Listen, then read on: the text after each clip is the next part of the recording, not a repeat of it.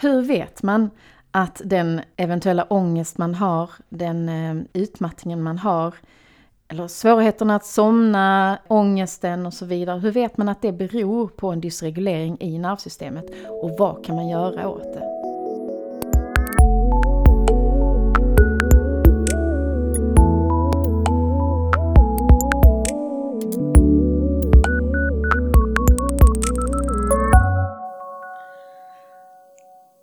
Jag balanserar på den lilla, lilla kanten i den djupa avdelningen av bassängen.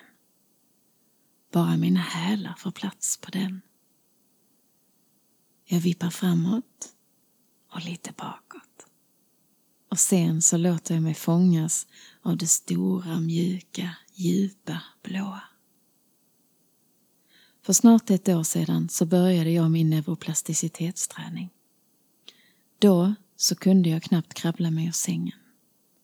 Jag var yr och allting gungade. Jag hade svårt att svälja, det gjorde ont att andas, gå och stå. Inflammationer i kroppen hade skapat små bölder i min bröstkorg och svullnad kring hela min ryggrad. Mina muskler ryckte och spasmade. Jag hade en surrande, pirrande känsla på huden och inuti min kropp. Hela mitt system hoppade till och det gick som elektriska stötar genom huvudet. Det kändes också som att huvudet var fast i något slags spännband som drogs åt. Det skakade inombords likt när man drar våta fingrar över en blöt keramiktallrik. Jag blev känslig för el, doft, ljus och beröring. De svåra nervsmärtorna hade gjort mig sömnlös då kroppen väckte mig så fort jag var på väg in i vila. Som en slags fight-flight-respons. Jag fick ta stark medicin som bokstavligen däckade mig och en annan som höll mig sovandes genom nattens timmar. Jag hade en märklig molande känsla i mitt mellangärde och hela magen knöt sig så fort något oväntat ljud överraskade mig. Jag klarade inte av att ha mobilsignalen på. Jag kunde inte lyssna på musik och jag hade svårt för att lyssna på någon som pratade. Alla ljud runt omkring mig blev förstärkta och jag började höra och bli störd av subfrekvenser som jag aldrig hade noterat förut. Jag hade tinnitus och kunde inte gå någonstans utan mina over-ear hörlurar. Jag var rädd att bli överraskad av ett plötsligt ljud. Jag minns hur jag när jag väl lyckades ta mig runt hörnet till affären inte kunde få fram vad jag ville köpa. Jag stod där och stammade. Just då så kände jag mig så himla sårbar, rädd vilse och ensam. Jag drog mig undan alla och allt. Jag ville bara vakna upp ur det som hade blivit en lång mardröm. Jag hade precis flyttat till en plats där jag inte kände så många och ingen tillräckligt för att be om den där hjälpen som jag behövde. Jag vågade ringa en nyfunnen vän och granne ibland när hjärtat rusade som värst och jag var livrädd. Jag är för alltid tacksam för att de kom till mig då. Efterhand så lärde jag mig att jag inte dog och att jag kunde hantera dessa stunder själv genom att ta betablockera och ligga stilla och försöka andas djupt. Jag gjorde så mycket yin-yoga som kroppen klarade och jag försökte meditera så mycket jag kunde. Jag hyrde in städ och tvätthjälp Kontakten med mina gamla vänner var sparsam då jag drog mig undan i mitt mörka, mörka mörker. Jag andades så djupt jag kunde och väntade på att allt skulle gå över. Länge så fick jag dricka ur tunna papp och plastmuggar för att ett glas var för tungt att lyfta. Att öppna kylskåpet, klä på sig, gå på toaletten eller ta en dusch var en utmaning. Jag förstod ju att någonting var riktigt fel. Men jag förstod inte vad.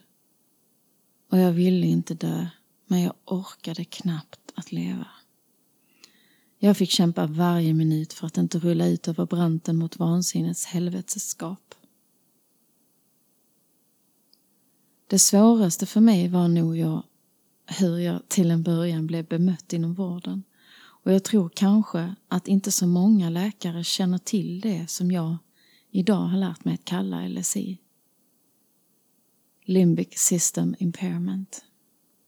Det har tidigare kanske också refererats till som utmattning, fibromyalgi med mera och med flera diagnoser som går eller som kan relateras till LSI. Vilket vi kommer att prata om lite mer i kvällens avsnitt. Efter många runder till akuten och flera till olika specialister och en tid när jag fick ta många egna steg för att finna svar så hittade jag en underbar läkare via en kardiolog jag hamnade hos. Han hjälpte mig sedan vidare med det jag behövde. Ibland, men inte så ofta, så tänker jag på tiden jag hade när det var som värst. I staden där jag knappt kände någon, under pandemin, på tiden i min ensamhet. Jag hade en madrass i varje rum. Jag kunde inte stå upp utan att hjärtat sprang jättefort eller utan att smärtan i bröstkorgen och ryggen golvade mig. Jag låg där i mitt hav av madrasser och jag grät. Jag drunknade i tårar. Nu så simmar jag med lätthet över djup som jag inte bottnar i. Det här handlar om hur jag förstod att många av mina symptom var direkt relaterade till en skada i min hjärna och hur jag började och fortsätter tillfriskna med neuroplasticitetsträning.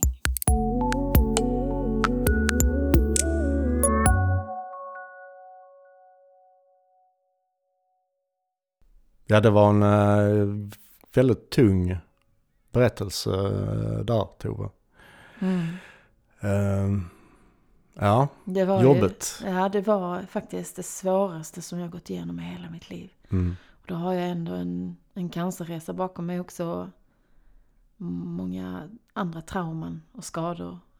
Men det här var värst? Trafikolycka och allt, allt möjligt ja. bakom mig. Men ja, det här var absolut i särklass det värsta jag har upplevt i hela mitt liv. Ja. Och jag tänker att många, det är lite därför, det är lite därför som vi pratar om det här idag. Mm. Känner jag. För jag tror att det finns väldigt många där ute som upplever de här sakerna. Kanske inte allas, alla symptom som jag hade men mer eller mindre ett dysregulerat nervsystem. Och de vet inte vad de ska göra. Nej. Och de får massa mediciner. Nu säger inte jag att man inte ska ha medicin alls. Jag fick ju ta medicin under en kort period för att kunna överhuvudtaget ställa mig på, på benen. Men jag tror att det finns en lösning för mm. många i DNRS. Som kanske har varit med om ett trauma eller fått en skada eller haft ett virus. Man ser ett eh, Lyme, Lyme disease mm. som många lider utav. Mm. Att det har väldigt god effekt med DNRS på just det. Ja. Så jag tror det finns många där ute som kanske är utmattade eller som har fibromyalgi eller som har fått ett virus någon gång som har ställt till i nervsystemet. Nu pratar man ju mycket om det här också eh, i samband med covid. Mm. Vaccinskador eller post-covid. Mm. Eh, att det har blivit en dysreglering i nervsystemet och man använder sig utav DNRS nu för post-covid symptom. Mm. Exempelvis. Ja. Utbrändhet.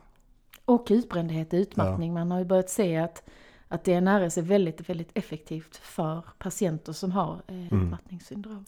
Ja, nej, för att det är ju, det, är ju, det vet jag ju, känner jag ju många, mm. inklusive mig själv då, som har någon erfarenhet av eh, utbrändhet eller utmattning mm. och så.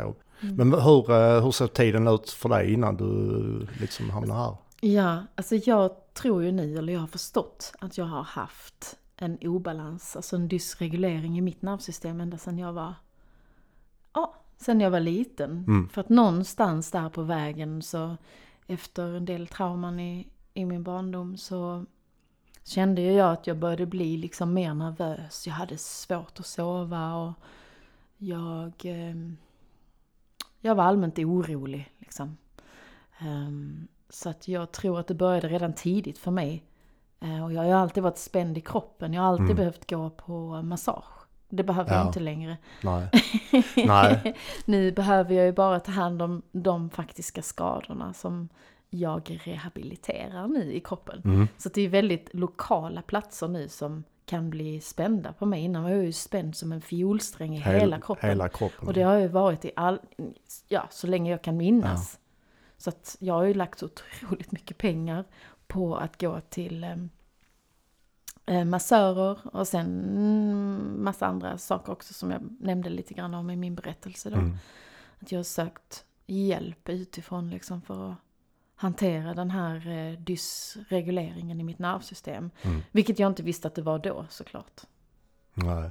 Men hur... Eh, eh, just det, jag skulle berätta Ja. lite om hur det var innan. Ja. Så jag tror att vad som hände för mig var ehm, att till slut så blev det liksom för många trauman eller liksom stora saker som hände på en och samma gång. Och att det då till slut fick mitt system att totalt eh, koppla ur. Och då pratar man ju lite grann om att det parasympatiska nervsystemet eh, är på något sätt en, en, liksom, en sammanhållande dirigent över, eh, över de andra systemen som ingår i det limbiska systemet, att Ja. det kopplar ur då.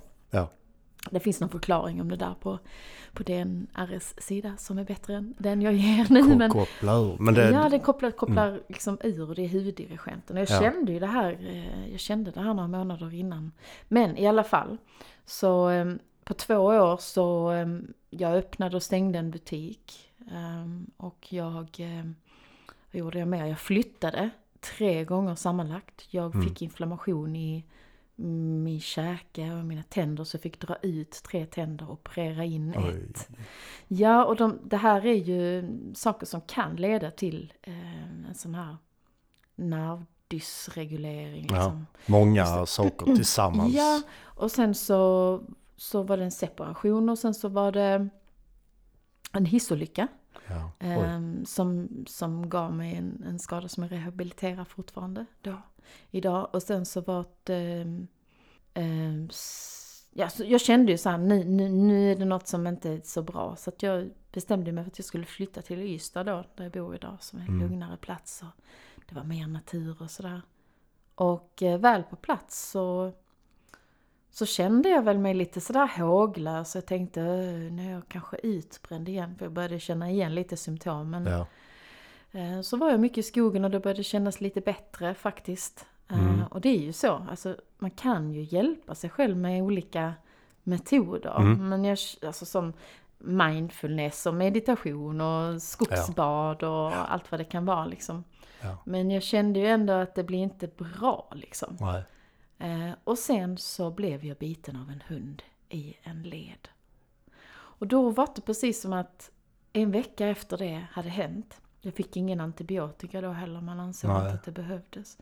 Så en Mm. vecka efter det så fick jag en extrem huvudvärk, så mycket att jag så, som en migrän liksom. Ja. Och sen så kände jag att kroppen började tackla av. Helt och hållet, var jättekonstigt. Det kändes som att den typ stängde ner på något sätt. Och sen vaknade jag. Eh, Så jag gjorde en online eh, yogalärarutbildning då i några dagar och eh, kände att det gjorde liksom mer ont i kroppen. Mm. Jag, Kände du dig sjuk? eller? ja, jag kände Det- mig sjuk. Jag började Ja. känna som man får influensa Ja. ungefär. Liksom, eh, och sen vaknade jag upp en dag. Jag hade svårt att andas och svårt att svälja och alla de här grejerna. Liksom, och smärtan var så intensiv så att jag kunde inte sova. Ont i hela kroppen då? Ja, eller? allting gungade Allt. och pep och kött och ryckte och som jag berättade lite Ja. tidigare. Så. Men mm, Ja.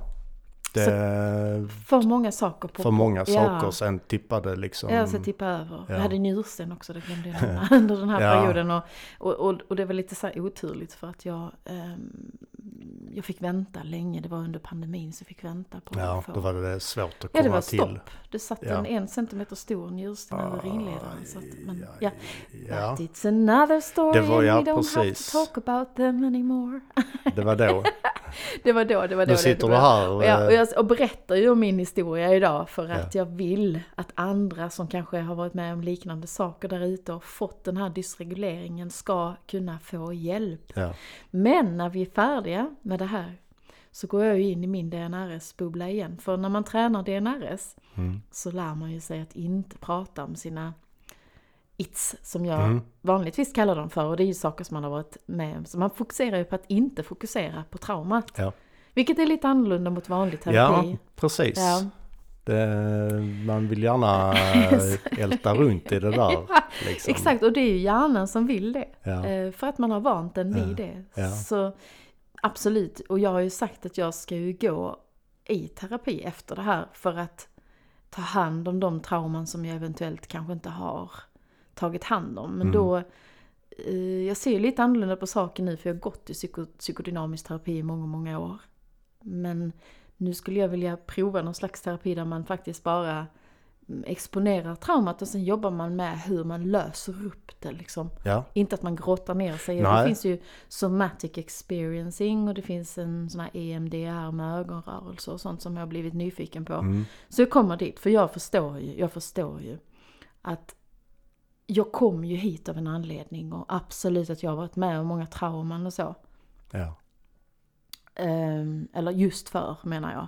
Mm. Eh, och många har ju tagit hand om. Men, och det här sista, eh, även om jag inte skulle behöva jobba med de trauman som jag gått igenom tidigare, så är det ju det, här sista jag varit med om, det är också trauma. Så att det behöver jag ju ta hand om. Men när man tränar DNRS ja. så fokuserar man inte på det. Utan då Nej. fokuserar man på allting annat som är Allting. härligt och gott och mysigt och glatt och mjukt och runt och mm. DNRS-bubbla sa du. Ja, det blir ju lite så.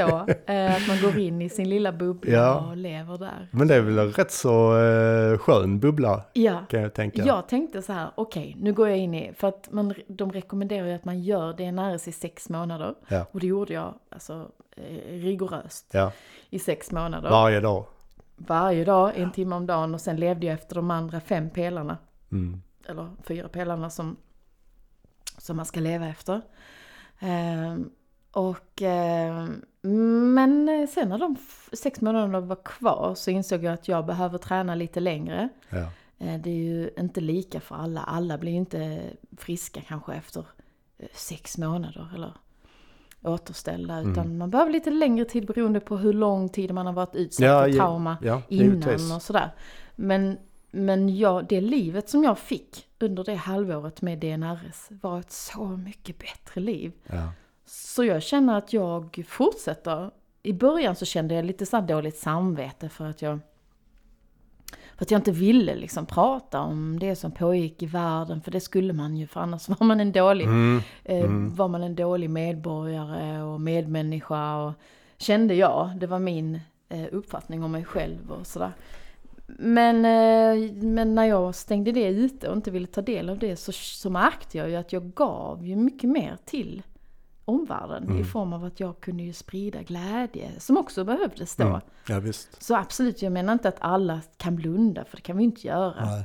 Det finns ju jättemånga människor som jobbar i fronten. Ja. Men eh, om man inte, som jag då kunde göra det, så kunde jag faktiskt bidra på, på ett annat sätt. Ja, ja men precis. jag. Så Ja. att det var ju fantastiskt fint. Och jag känner att, eh, att eh, det behöver jag göra en stund till. Sen Mm. kanske det kommer en dag när jag står på barrikaderna. Eller Ja. liksom i fronten. ja visst. Eh, det är ju andra som kan prata om eh, världsläget och, eh, Ja. och problem som händer och så. Det, ja. det finns det ju andra som kan sköta. Liksom. Jag bara kom att tänka eh, på, jo det var han eh, Nattiko, Mm, eh, svensken som... jag kan ha fel. Ja, just det. Mm. Han, eh, det var Stina Dabrowski som eh, intervjuade honom. Mm. Och eh, då när han, jag tror, jo han satt väl i kloster då. Och så, så sa Stina Dabrowski då liksom, ja men alla kan ju inte bli munk. Mm. Alla mm. kan ju inte vara munkar liksom, hur skulle det vara? Mm. Så sa han då bara att, ja nej, men alla kan ju inte vara reportrar heller. Nej, Det vi, får, vi har ju liksom olika roller ja, i världen, Ja. i samhället liksom. Och det, ja, det, vi, vi täcker upp för varandra. ja. Så att, eh, nej, du får vara i din DNRS-bubbla ett tag till då. Ja, ja. Och, och jag gjorde ju så att jag valde bort, ehm, eller jag valde inte bort, eller jag vet faktiskt inte riktigt, det kändes lite grann som att, eller jag gjorde ju vissa val för mig. Och jag skrev brev till mina, eh, de flesta av mina vänner. Mm. Jag har säkert missat någon. Eh, jag är fortfarande här. Om ni vill hänga med mig och ha kul. Men eh, jag skickade ju ett brev då som man får göra eh, när man börjar träna DNR så skickar man då eh, lämpligtvis ett brev till sina vänner och förklarar att nu gör jag det här och jag kan tyvärr inte kanske finnas där som en support för tunga saker just nu. Mm. Och så vidare. Men vill du vara med mig och ha roligt så vill jag jättegärna det. Mm. Ungefär så. Mm. Och ehm, alla svarade inte. Eh, några hörde av sig, väldigt få. Så att ehm, min bekantskapskrets som jag hade då inte vad den är nu. Nej. Men jag har fått in väldigt många väldigt positiva människor i mitt liv. Mm. Eh, och- det är också fint. Så en viss sorg att jag tappade Ja. lite gamla. Men också Mm. en stor glädje i att jag nu får eh, nya eh, fina människor. ja, ja visst. Mm. Jag var tvungen det- att göra så. Mm. nu nu känner jag ju att jag mer och mer börjar kunna möta människor som, som är i kris. Mm. Och, och lyssna på dem utan att eh, själv liksom bli triggad. Ja, Så jag vet att det kommer en dag men jag jobbar ju fortsatt med DNR. Så. du är ju uppe i det. Ja, Ja. så att jag behöver göra det, får jag göra det. Ja. Så, ja, då är det så. Ja, precis. Men okej, då, Ja. då, då, eh, då låg du där. Du hade kommit till Ystad Ja. och eh, det hade tippat över då liksom. Ja. Där låg du och hade ont och Ja, allt var snurrigt. Och... Men hur, eh, hur hittade du DNRS då liksom? För Eh. det, jag förstår ju att du, var, du kände ju att du var tvungen att göra någonting åt det. Men eh, Mm. hur kom det sig att det blev DNRS? Det var en god vän som heter Susanna som rekommenderade det här programmet. Hon hade sett att många eh, som hon kände hade god effekt av det här. Och hon såg väl någonting i mig som jag inte själv kunde se då, vilket jag är så tacksam för idag. Och eh, jag började ju att försöka göra programmet eh, i augusti, september och då bodde jag hos goda vänner för jag klarade inte mig själv. Nej.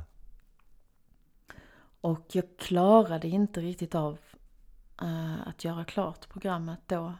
Det, krä- det kräver ju fem dagar ungefär. Uh, så man ska då titta på skärm och för mig så var det Ja. svårt att titta på, kunde titta på skärmen så länge och jag Nej. kunde inte ta in så mycket information. Nej. Svårt när man eh, är i det Mm, Det är svårt men, men, men, men. Det är inte omöjligt. Nej. Så att jag, jag absolut, har man, är man så dålig så, så gör det i etapper istället för att inte göra det alls. Mm. Men jag, ehm, jag vet inte, jag trodde väl kanske inte riktigt att det var fel i min hjärna då. Nej. Så att jag eh, la av med det. Och sen så blev det ju den ena efter den andra starka medicinen som sattes in och som jag provade. Och ehm, till slut så hamnade jag på en medicin som heter gabapentin. Som är för nervsmärtor och så. Det är en stark medicin. Alltså stark, vad är en stark medicin? Jag, Ja. jag, jag tror att det är en stark medicin. Ja. För mig var det en väldigt stark medicin för jag kände mig jättesnurrig på första tabletten. Ja. Så då kände jag nej, det här klarade jag inte det här heller. Så tänkte jag att ja, nej, nu har jag ingenting att förlora. Jag... Och sen så kände jag väl lite grann också eftersom jag ändå fick effekt av den. För jag kände att jag fick en otrolig lättnad och avlastning. Men jag blev så snurrig och flummig rent ut sagt. Så Ja. jag kände att det här är inte något sätt som jag vill leva på. Nej. Jag kan inte det. Ehm, Men så då, på någonstans så kopplade jag då att det här, det här är i min hjärna. Det här är i min hjärna. För om Ja. medicinen gör så här, då är det i min hjärna också. Ehm, Ja. Så att jag eh, började träna och efter en vecka så hade jag eh, samma effekt som jag fick av en tablett eh, av den här gabapentinmedicinen. En vecka? Ja, en vecka. Och, du, och då kände du liksom att ja, du blev avlastad ifrån smärtor och Ja, eh, det du? som avtog först var ju smärtor. Ehm, ja, det var nog smärtor som avtog först. Jag Ja. brukar prata om det där och jag har glömt nu eh, i vilken ordning saker ja, och ting. nej, men, det, men du kände dig bättre av det efter, redan efter en vecka? Ja, ja, ja, redan efter en vecka. Ja. Nej, det, Mm. det är ju otroligt. Jo, jag slutade gråta också. Ja, Eh, för att jag grät ju varje dag. Och i den här så... Eh, såklart att man får släppa ut känslor när man behöver det. Och jag hade dagar när jag, när jag stod och kramade trädet i parken liksom och Mm. grät. mm. Men de flesta dagarna så, så fort som jag blev ledsen så ska man omdirigera sin hjärna. Så att Mm. när man vill gråta så hindrar man sig själv från att göra det genom att fokusera på någonting annat. Bryta... Ja, eh, bryta det här mönstret. Så det handlar ju inte om att förtrycka några känslor eller så. Utan, Nej, utan måste, händer det någonting som är jobbigt så det är klart att man får gråta ut. Eller Ja. man behöver gråta ut så kan man gråta ut. Det är inte så.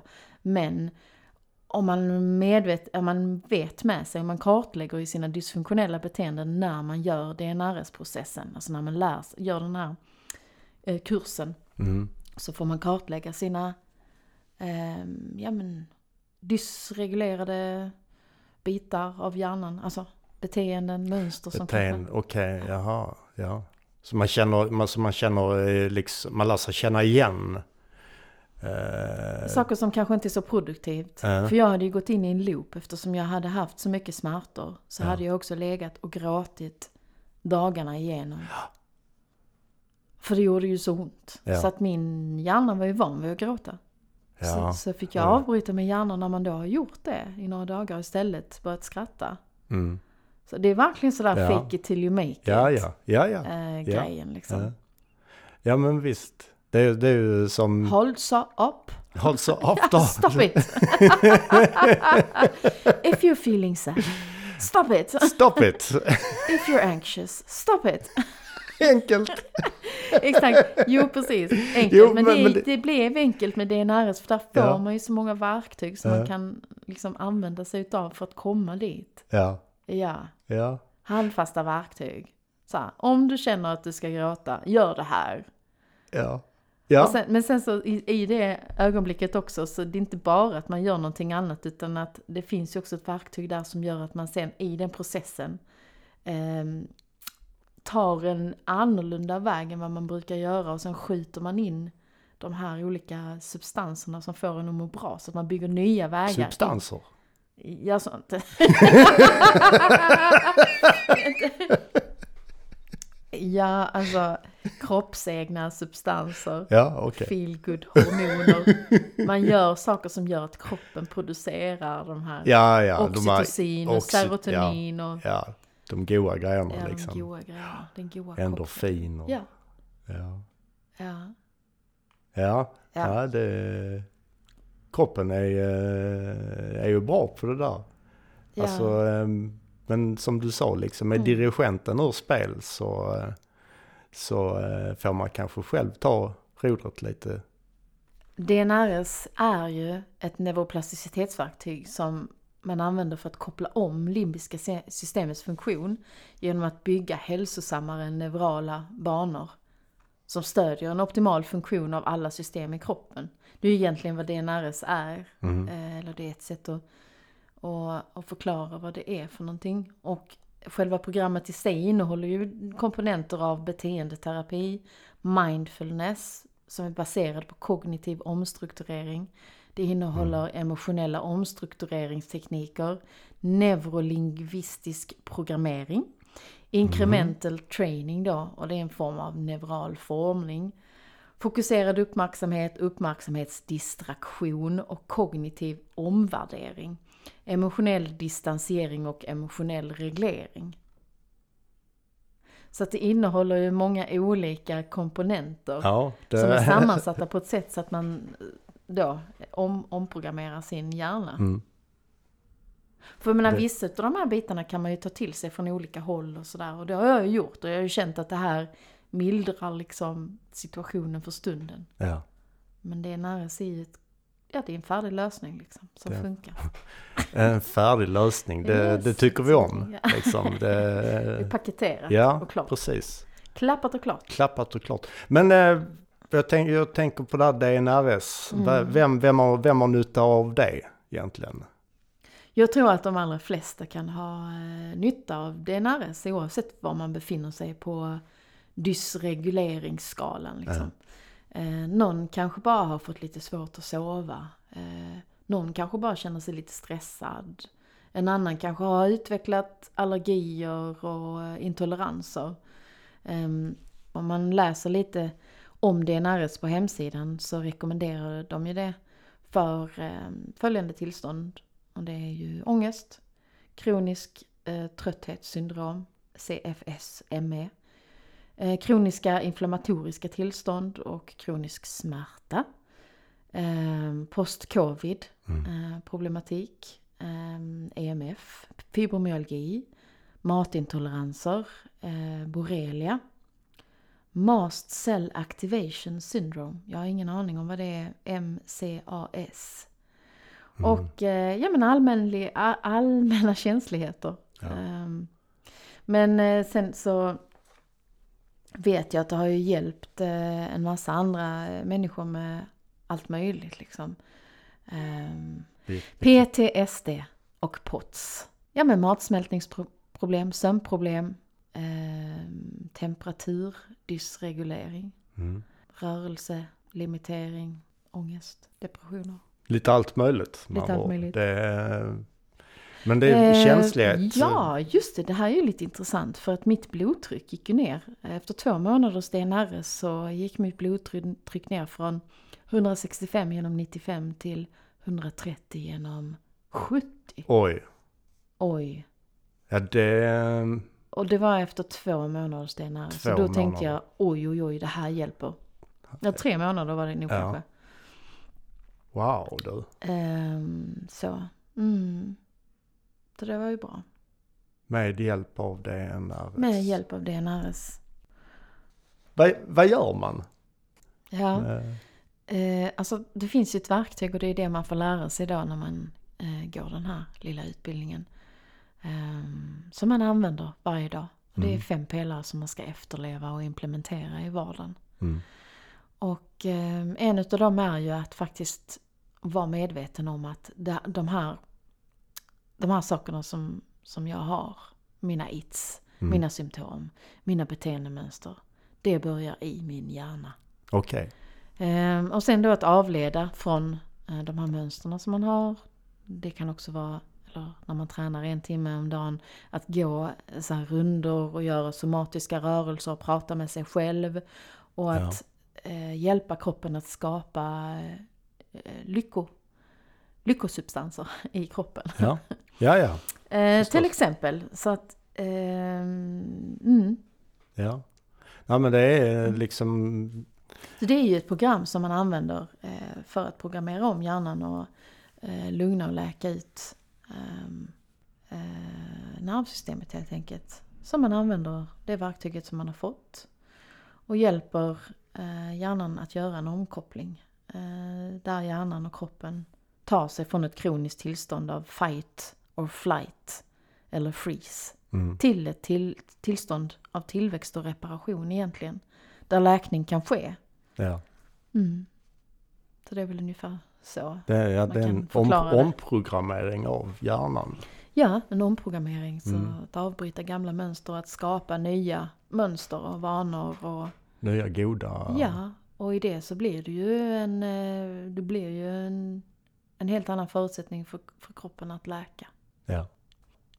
Nu har jag tränat DNRS i eh, precis nästan ett år mm. och några dagar. Mm. Och eh, jag har ju tillfrisknat från eh, min yrsel. Jag hade ju yrsel, den är borta. Eh, ångest, eh, den är ju... Alltså de få gångerna som jag har ångest nu så kan jag direkt relatera det till någonting som är jobbigt i tillvaron. Och, mm. och den är väldigt mild. Mm. Um, så.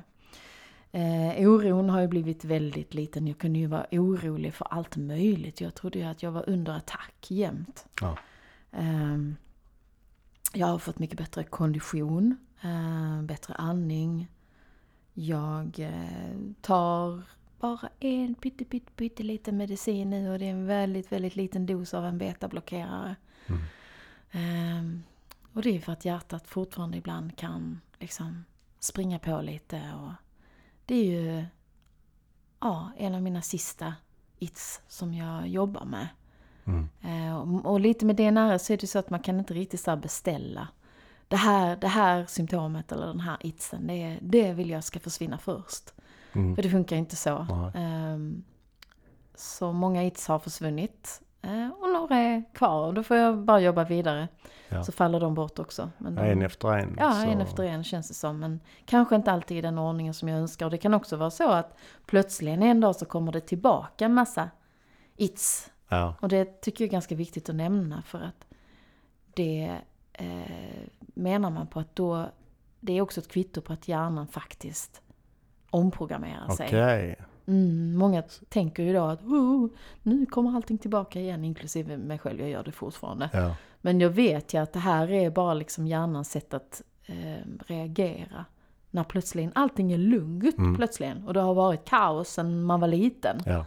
Då blir hjärnan såhär, nej nej nej, nu så, nu måste vi, nej det här är inte tryggt, nu Nej, ska vi nej. eh, liksom, nu får vi liksom stöka till det lite Ja, igen. okej. Ja. Hjärnan är van vid, eh, alltså det där Ja, och plötsligen... citationstecken normala liksom. Exakt, det, det var det normala, den vill gå Ja, tillbaka till, ja. till det liksom. Och, sky, och skydda mig, limbiska systemet, för det är det som den har gjort, vad den Ja. tror. Ja, Ehm, så att eh, så, så kan det vara. Men jag har i alla fall fått, eh, mina lock i öronen är borta. Jag har fått eh, bättre syn. Och jag eh, kan ju göra det mesta idag. Jag kan cykla och simma och allt det där liksom. Eh, och jag har ju börjat jobba lite igen, vilket känns fantastiskt kul och skönt. ja. Ehm, så det är fint. Jag har, min smärta är ju inte i hela kroppen längre och jag tror att jag gick många år med smärta. Och fibromyalgi då som jag fick också en diagnos i. ja. Nu har jag ju bara smärta i eh, det område som jag vet är skadan efter, eh, efter hissen. Liksom. ja. Och den rehabar jag. Ehm, så. Ehm, ja, vad är det mer? Ja, alltså jag har ju inga skakningar och ryckningar längre och jag kan prata och tala. ja. Eh, Tydligen. felfritt som vi hör. Ehm, så jag, och jag är glad och jag är mindre trött och ja, det går ju framåt. Vilken lista. Ja. Alltså, Jag har ju eh, fortfarande en bit att ta mig. Men Ja. jag vet ju nu att det finns hjälp och det här hjälper. Och Ja. jag, jag lägger ju timmar på rehab fortfarande varje dag. Liksom. Men Det känns så skönt att veta att det finns någonting som fungerar och att, att bara den här lättnaden i att förstå att oj, det är det här det är. mm, För innan jag förstod det så var det ju en mardröm att vara så dålig och inte veta vad det var som hände. Jag trodde att jag höll på att dö. ja. Och ingen läkare som kunde hjälpa mig utan de bara kliade sig i huvudet och sa Oj. att ja, men du är utbränd och det är ångest och det är... ehm, men sen kom jag till en läkare som lyssnade på mig Ja. och som uppmuntrade mig och det känns jättefint.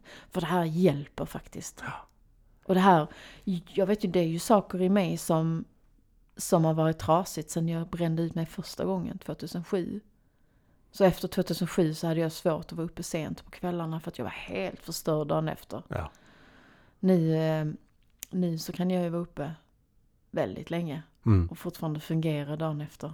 Så du är alltså bättre eh, nu än vad du var efter, efter eh, din första utbrändhet? Vissa saker är bättre nu. Du, vissa saker. Och det är om igen det där, det är, saker faller på plats. Ja. Men jag vet inte riktigt i vilken ordning allting. Nej, nej. Utan i och med att jag har varit under stress eh, och press och så många trauman och så under så många år. Mm. Så det här är min egen teori. Men Ja. jag tror så här, nu har jag hittat ett sätt som har gjort att jag har kunnat reglera mitt nervsystem igen. Och ge mig själv, man jobbar ju också, det här är ju inte, det här är ju en slags personlig utveckling också. Och ett sätt att fylla på sig själv och ge sig själv bra saker. Ja. Så det här har ju skapat någon form av trygghetskänsla med mig själv, i mig själv. Och ett annat lugn. Ehm, och då kommer jag ju till ett, ett läkningsstadie. Men det är ju många saker som har blivit eh, under alla de här åren som behöver läka ut. Mm. Så det tar ju lite tid. Ja. Det är så himla svårt för mig att acceptera. Men, men jag får göra det, så jag, jag, jag är ju i en läkningsfas. Ja. Ja, det är ännu mer så om jag förstår det att eh, det är många gamla grejer som, eh, som eh, läker ut eller läker bort liksom. Mm. Det är ju historier man hör om och om igen, eller berättelser Ja. från personer som gör DNRS, att många gamla saker läker ut som man inte har kunnat läka ut på något annat sätt. Ja, Och det finns ju en del vetenskap på det och sen finns det väl en del, ett, liksom ett fält som är lite okänt fortfarande. I varför det fungerar och varför Mm. det gör så och vad, hur mycket läker det ut egentligen? mm. Läker det också ut saker som man kanske har ärvt ner i DNA? ja, Who knows? who knows. Man vet bara att det här fungerar och att det har bra effekt både på de som är utmattade, de som har post-covid-symptom eh, och de som har ja, alla de här sakerna som jag Ja, har pratat ja. om. Liksom. Ja, för det är, det är ju må många grejer Mm. kan jag tänka mig, liksom, alltså om det är gamla grejer, att man, Mm. eh, man, man kanske inte eh, liksom har accepterat dem så, men eh, att man har blivit, man har blivit så van vid Mm, det här tillståndet så att Ja. det har liksom blivit det nya normala. exakt. Och eh, man, och i det kanske tänker att ja, nej men nej, allt är bra. Liksom, det är bara Ja. så här det är. Ja, man försöker liksom copa. Ja, Ehm, och jag menar, jag tog ju en massa tillskott. Och jag sprang ju ner dörrarna för homeopater, osteopater och kiropraktorer. Och... För det gjorde allt ont någonstans. ja, Och jag kände mig trött och jag hade... Jag såg ju det på naglar och hud och allt möjligt. Men allt det där, jag har ju skippat alla kosttillskott idag. Mm. Jag har ingen homeopati och jag har, jag menar hår och hud och naglar är bättre än de har varit sen jag var tonåring. ja, det är nog många som kan tänka sig bara för den sakens skull. jo, och eh, även så blodvärden som ändrar sig. Ja, det, det är ju häftigt. Ja, så att jag, eh, nej, jag är ju helt flabbergasted Ja, som de säger ord. på engelska. Väldigt jag bra hittar ord. inget ord. Uh, Happen, happen, nej inte happen. happen. Ja, Ja, ja, ord, speechless. Det speechless. finns många ord på engelska Ja. som skulle kunna förklara Ja. det jag känner nu. Men nej, det, det var ett, det är en jättespännande resa att vara på. Så att jag Mm. fortsätter ehm, med min neuroplasticitetsträning. Det är absolut det bästa som jag har gjort för mig själv. Det verkar helt fantastiskt. Det är helt fantastiskt. Det- Och vi kommer komma tillbaka till det här igen i Mm. podden. Ehm, nu har jag ju berättat min historia den här gången i podden. Och ehm, det är ju fortfarande lite... Ah, men det är lite triggande för mig. Men jag ville verkligen göra det. För jag vet Mm. att det finns andra där ute som kan ha nytta av det här. Jag är helt säker på det. Ja, Så jag ville berätta och jag ville prata om alla symptom eh, som jag hade. För någon kanske känner igen sig. Jag vill också dela, dela eh, olika tillstånd och symptom som andra har upplevt som de har blivit friska från med det här. mm. Så nu har vi gjort det. Eh, Så nu kommer det bli, nu kommer det bli bra mycket mer happy, happy stuff liksom. För det är i den zonen som jag ska befinna mig. Och man behöver inte vara så dålig som jag var, att man inte kan stå upp och man kan inte hålla ett glas. Det behöver inte vara så illa. Nej. Och med det så tänkte jag att då glider vi över i, så nu lämnar vi mig och glider över i lite mer om dig Jakob. För jag Ja. vet ju att du också tränar DNRS Det gör jag. sedan Mm. några månader tillbaka. ja precis. Och du var ju inte, du befann dig inte alls där jag befann mig när du Nej. började göra det. Så berätta lite grann, hur har det, va- varför började du göra Ja. DNRS? Nu har jag ju ställt frågor sådär så det låter som att jag eh, inte riktigt vet vad det handlar om. Men det, det vet jag ju. Ja. Nej, jag har ju lite annan in- ingång på det här än vad, vad du eh, hade. Jag eh, kom ju, jag kom ju egentligen först i kontakt med det här när jag träffade dig då. Du, du var ju mitt uppe i din eh, rehabilitering och, och jag har ju sett vilken skillnad det har gjort på dig. Mm. Jag mötte ju inte dig när du var sängliggande och var som värst. Men under den här tiden jag har känt dig så eh, har, den ju, eh, har den ju gjort underverk. Mm. Och eh, Fast så mycket jag inte kunde göra när jag träffade dig. Jag kunde, Ja, kunde ja. inte cykla. nej, det kunde du inte. Och det, Kommer du ihåg det var, att jag var, frågade dig, Jakob, skulle du kunna cykla, cykla, bara prova min cykel och cykla den så kanske jag kan cykla här på innergården. Ja, just det, just det. Så... Och nu cyklar jag ju flera mil i ett nafs liksom. ja, precis. Nej, så att, det, nej, där fanns verkliga begränsningar då. Ja. Mm, precis när vi hade träffats första gången. Ja, Fick hjälpa dig med en del saker, ja, bära och lyfta och ja, ja. flytta Jo. runt och sådär. Så att, eh, Mm. men då, då var du mitt uppe i din process. Och jag, eh, då tänkte jag väl inte för min egen skull kanske att jag hade någon eh, limbic system impairment eller att jag... Eh, att, att eh, jag hade ingen tanke på att DNRS skulle vara någonting för mig. Mm. Liksom. Men, men sen eh, har jag ju... eh, Jag har ju varit med under din resa ett tag och eh, jag, jag, jag, Ja, precis. Det som jag, jag kallar det lite grann för eh, passiv DNRS. För jag har ju varit med dig under dina, dina träningspass eller Mm. dina rundor och sådär. Och då jag har ju lärt mig mycket av dig. Mm. Jag har ju provat på vissa grejer sådär som, för att ehm, det här till exempel att när jag känner mig stressad eller jag känner Mm. kanske något obehag eller sådär. Och det, Mm. och det, är- det är sånt jag har känt eh, under många år liksom. Att nej, men det, Mm. så, eh, så brukar jag känna. Det är inget konstigt med det. Men sen en, en dag så börjar jag ju liksom fundera på, på eh, att Men kanske... alltså lite ångest då. Ja, Ja. ja, ja, precis. Det, det, det hade jag ju lite då och då ju. Mm. Och ehm, jag eh, var väl kanske då i ett sl- slags tillstånd av att, alltså, eh, att jag bara hade accepterat att nej men så här är det. Mm. Jag har ju käkat eh, antidepressiv medicin i många år. Mm. Det, Ja, det är många ja, som det ju, gör det. ja, kan jag, vad kan jag ha käkat det? 20 år snart. Oj, Kan det vara så oj. länge? 15, ja det är länge i varje fall. Som du skulle säga, det är några år. Det är några år ja. några år. Ja.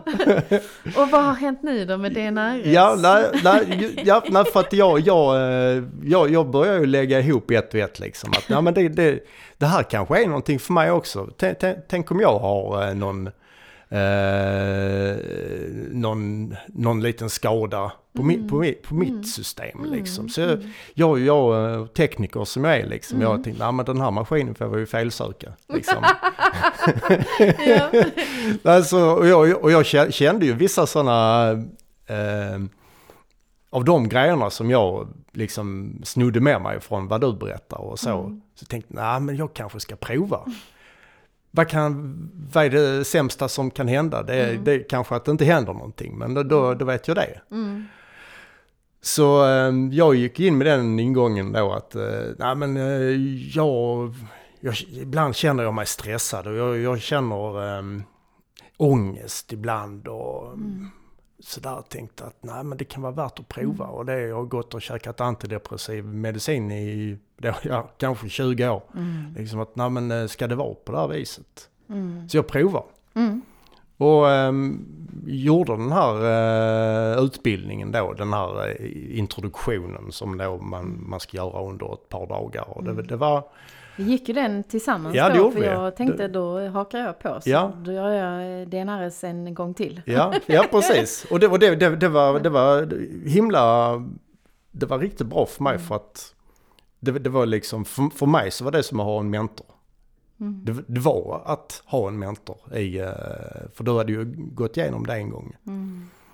Och eh, många av de här grejerna som jag fick lära mig där i den introduktionen, det, det hade jag ju sett. Jag, jag, alltså det hade jag sett tidigare. Jag hade ju, i och med att jag har varit med dig i din Mm. rehabilitering då, eller din utveckling där. Och, men sen eh, började jag ju köra mina egna träningar då, de här rundorna. Mm. Eh, klämmer in dem lite här och där när, när det passar i mitt liv. För jag, jag jobbar ju heltid Mm. normalt och eh, jag, hade, jag hade lite sådana be- betänkligheter innan. Liksom, ja men hur, när ska jag göra det här? Ja. Men eh, där var ju som jag snackade om då eh, förra, av, förra avsnittet liksom, de här, det här med att ha en plan och skapa nya vanor. Så jag, jag har ju försökt eh, klämma in dem på, eh, på morgnarna Mm. och eh, ja, under dagen när, när, när, när det passar. Ja. Och jag kände ju eh, nästan direkt.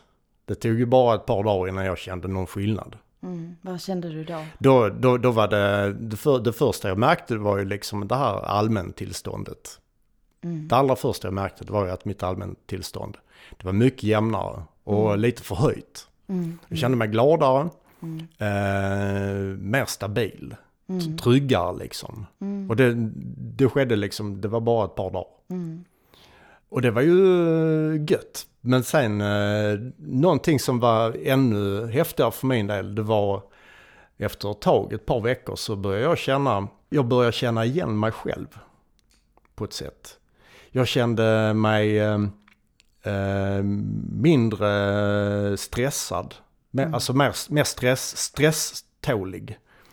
Du berättade att du hade varit på jobbet och att folk runt omkring dig hade börjat stressa upp sig över någonting. Ja, Och att du hade bara känt dig helt lugn. Ja, precis. Jag, det, jag jagade inte upp mig utan det, jag bara kände att eh, nej, men det här fixar vi.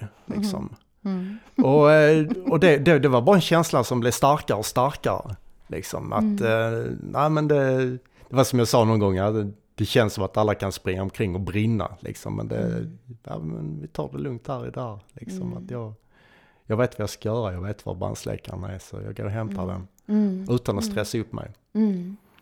Och då, eh, det, det jag sa är att jag kände igen mig själv. För att det här, det här var ju, eh, när jag började känna detta så var det en bekant känsla som jag kände när jag var typ 20. Mm. 20, ja, för länge sedan liksom. Att, för då var jag, då var jag stresstålig. Det, var, det krävdes en hel del för att jaga upp mig. Mm. Det har ju försvunnit genom åren och eh, jag har också, eh, jag har inte bränt ut mig riktigt någon gång i min historia så, men eh, jag har ju haft perioder där det har varit, det var tufft. Mm. Och ja, som resultat äh, ångest och depression. För jag satt här och tänkte på när du berättade så tänkte jag att jag hade alltid en sån här känsla i mitt mellangärde. Av att jag hade som mm, fjärilar fast inte av den behagliga sorten utan riktigt så jobbigt att, att det kunde liksom åka som en hiss i mitt mellangärde. Och kännas som is. Eh, och kramp liksom i mellangärdet och i magen. Att jag reagerade ofta med magen när det var någonting som hände. Så direkt så här, "Ugh." Eh, och den känslan är ju helt borta. Ja, Det är helt borta. ja just Det det. var som när jag satt hos tandläkaren häromdagen så eh, de skulle plocka tandsten och de kör ju med en sån här apparat numera och det ilar. Ja, just det. Så då fick jag en sån här ilning för ganska känsliga tand, tandhalsar. Och, när, och då blev jag så här, åh, jag ryckte till. Och då började de så här, åh, andas lugnt nu, andas lugnt nu. Men jag behövde liksom inte göra det för att reaktionen gick över väldigt fort. Ja, Och det är ju någonting som jag har märkt med DNRS. Att precis. jag kan få en reaktion men den går över väldigt fort. Kroppen eh, neutraliserar sig väldigt fort. Den eh, hittar balansen Ja, den hittar snabbt balansen. liksom. Precis. Den reglerar upp sig Mm. väldigt fort Mm. nu. Ja, Och jag får inte de här sensationerna som jag hade tidigare. Liksom. nej. Och i Nej, början, i början när de försvann så kunde jag för att även om man skapar den här bubblan av good things Mm. så exponeras man ju ändå för saker som är utmanande i vardagen och det måste man ju också göra. Ja, Och då i början så kommer jag ihåg att jag tänkte så här, "Åh, nu kommer reaktionen, nu kommer den här ja. grejen i kroppen liksom, nu börjar det veva. Och så Mm. börjar det inte, man bara Hallå? Hallå? det händer ingenting. Men okej, thank you. Lite så. Ja, ja Mm. precis. Nej, för, för att ju- just det där med magen, det, det, det, det känner jag ju starkt Du känner igen det? Ja, Ja. starkt. Där. Och det för att... eh, Hur lång tid tog det för dig innan det försvann då? Svårt att säga men eh, det, det, det, det var... Det var nog lite sådär också att det bara... ju- Jag kom att tänka på det men vänta nu här, det här är någonting som saknas. Var, var, är fjärilarna i magen liksom? Förlorar man de där fjärilarna som man känner när man är förälskad? Nej! de, de bra fjärilarna är kvar. Ja, vad bra. Men det, och, och där, där, eh, där, där eh, efter ett tag så sjönk det in lite också det här att eh, den här, den här eh, fladdriga, spända känslan i magen. Den, Mm. när den hade försvunnit lite mer. Mm. Att, att när man inte satt och kände sig som, som att man satt på nålar. Eh, vilket jag trodde var normalt då. Mm. Mm. Efter jag hade insett att fjärilarna liksom hade försvunnit lite. Då, då, då märkte jag det att min andning var lite annorlunda också. Mm. Jag, ehm, jag har nog an- andats väldigt högt upp i bröstet liksom. Mm. Där. Mm. Eh, men eh, mycket mer avslappnat och kanske långsammare nu också. Mm. Det är precis som att kroppen lugnar sig själv på ett annat sätt. Mm. Den är, den är inte i det här eh, fight, flight or freeze läget hela tiden liksom på, på spänn. Nej. Utan den är mer Det där- bekväm. Ja, det där är ju så himla intressant. För att jag läste, eller jo men jag lyssnade på en ljudbok om fight, flies och freeze. Mm. För kanske tre år sedan. För då kände jag att jag är alltid på något sätt i det här eh, försvarsmodet. Ja, liksom. just det. High alert. Ja, ja, och då, ja, exakt. Och, då, eh, och det fick jag också sagt till mig av vänner och bekanta och så.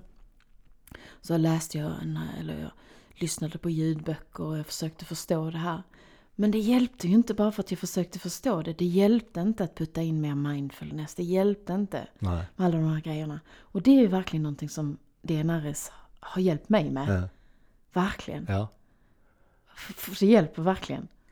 Och det är, där, Jag där, där som tror jag faktiskt att... frälst, Men det är... Eh, ja, Ja. jo men, men det, det är ju det. när man inser att någonting fungerar Ja. riktigt bra för Och när man en. Ser du- så många andra som gör det och det fungerar Ja. på dem också. Ja. Och sen eh, tänker jag på för att det, det är nog många som är just det det här fight, flight och freeze-modet Mm, liksom. Utan att riktigt tänka på det. Mm. Oroliga, eh, man går förbi en löpsedel vid kiosken där. Ja nu är Putin igång igen här. Mm, mm. Och så går man där med alla de här katastroftankarna i huvudet Ja. hela tiden. Jag och- tittar inte på dem längre. Nej. Men ibland nu så gör jag det. Eh, kanske också lite för att kolla. Ja. Så här, vad känner jag? Men jag känner inte alls samma sak längre.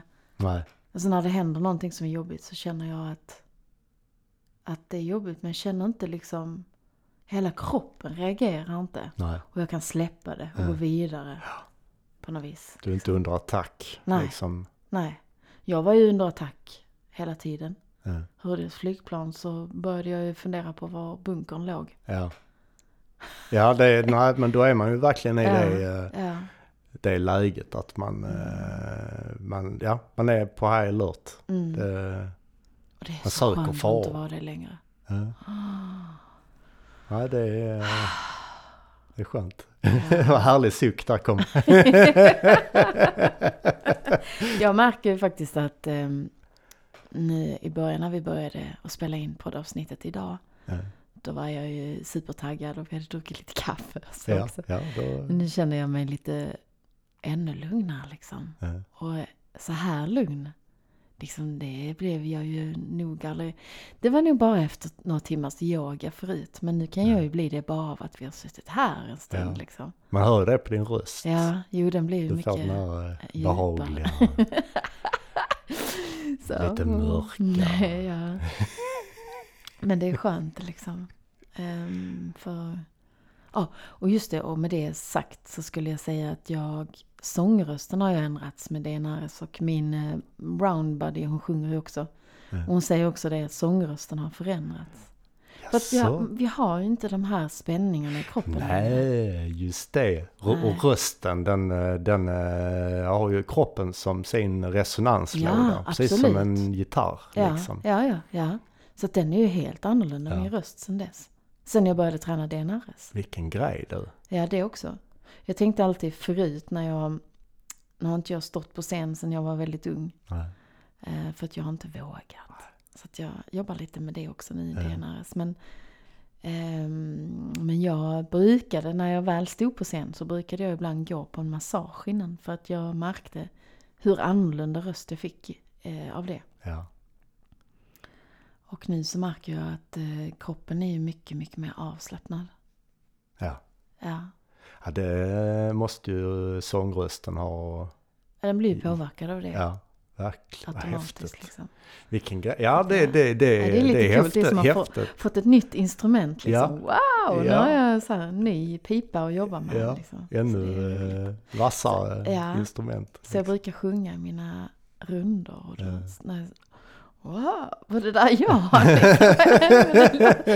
ja. Det är lite kul. Eh, alltså, jag vaknar inte varje morgon och tycker att livet är lattjo lajban. Att hjärnträning för mig är liksom en hygien, eller vad man ska säga. Mm. För att det räcker. Jag vaknar och känner eh, kanske att vissa saker är lite motigt. Ja. Så kommer jag till att tänka på dem. Men då får jag ju aktivt välja att inte göra det. För Mm. jag vet också att eh, när man vaknar på morgonen så är hjärnan väldigt, väldigt plastisk. Ja. Så att jag rullar över då ur sängen och så upp och så gör jag en runda. Eh, Ja. Och när jag är färdig med det, ja, men då fi- finns det alla möjligheter för dagen. ja. Så jag bara... sätter, liksom, ja, men sätter tonen med eh, en runda ur Ja. DNRS.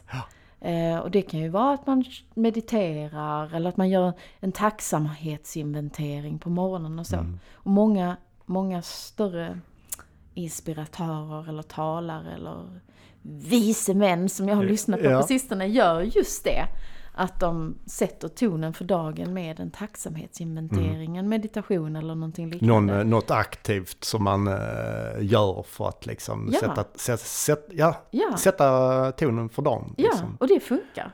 Ja. Men jag tror det, det är nog viktigt också kanske för eh, att dela med sig av, för, för de har sagt att det är liksom, det är en rutin som man Ja. behöver göra. Lycka är lycka, lycka och en lycklig hjärna och ett, en lycklig själ är en övning. ja. Man får kämpa lite eller, eller kämpa kämpa men gör, göra någonting för det. Väl, Ja. Välja lyckan. Och det kanske är det som är skillnaden, att när man övar sig på det och när man ger sig själv den här kärleken Mm. eh, om och om igen så blir det verkligen, det börjar här inne. Mm. och man bär sig själv på något vis. Ja. Tack för att ni har lyssnat på oss idag. Och jag hoppas att ni har fått med er någonting riktigt bra från det här eh, avsnittet. Ja, och ta hand om er så, eh, så eh, hörs vi nästa gång. Hej då! Hej då!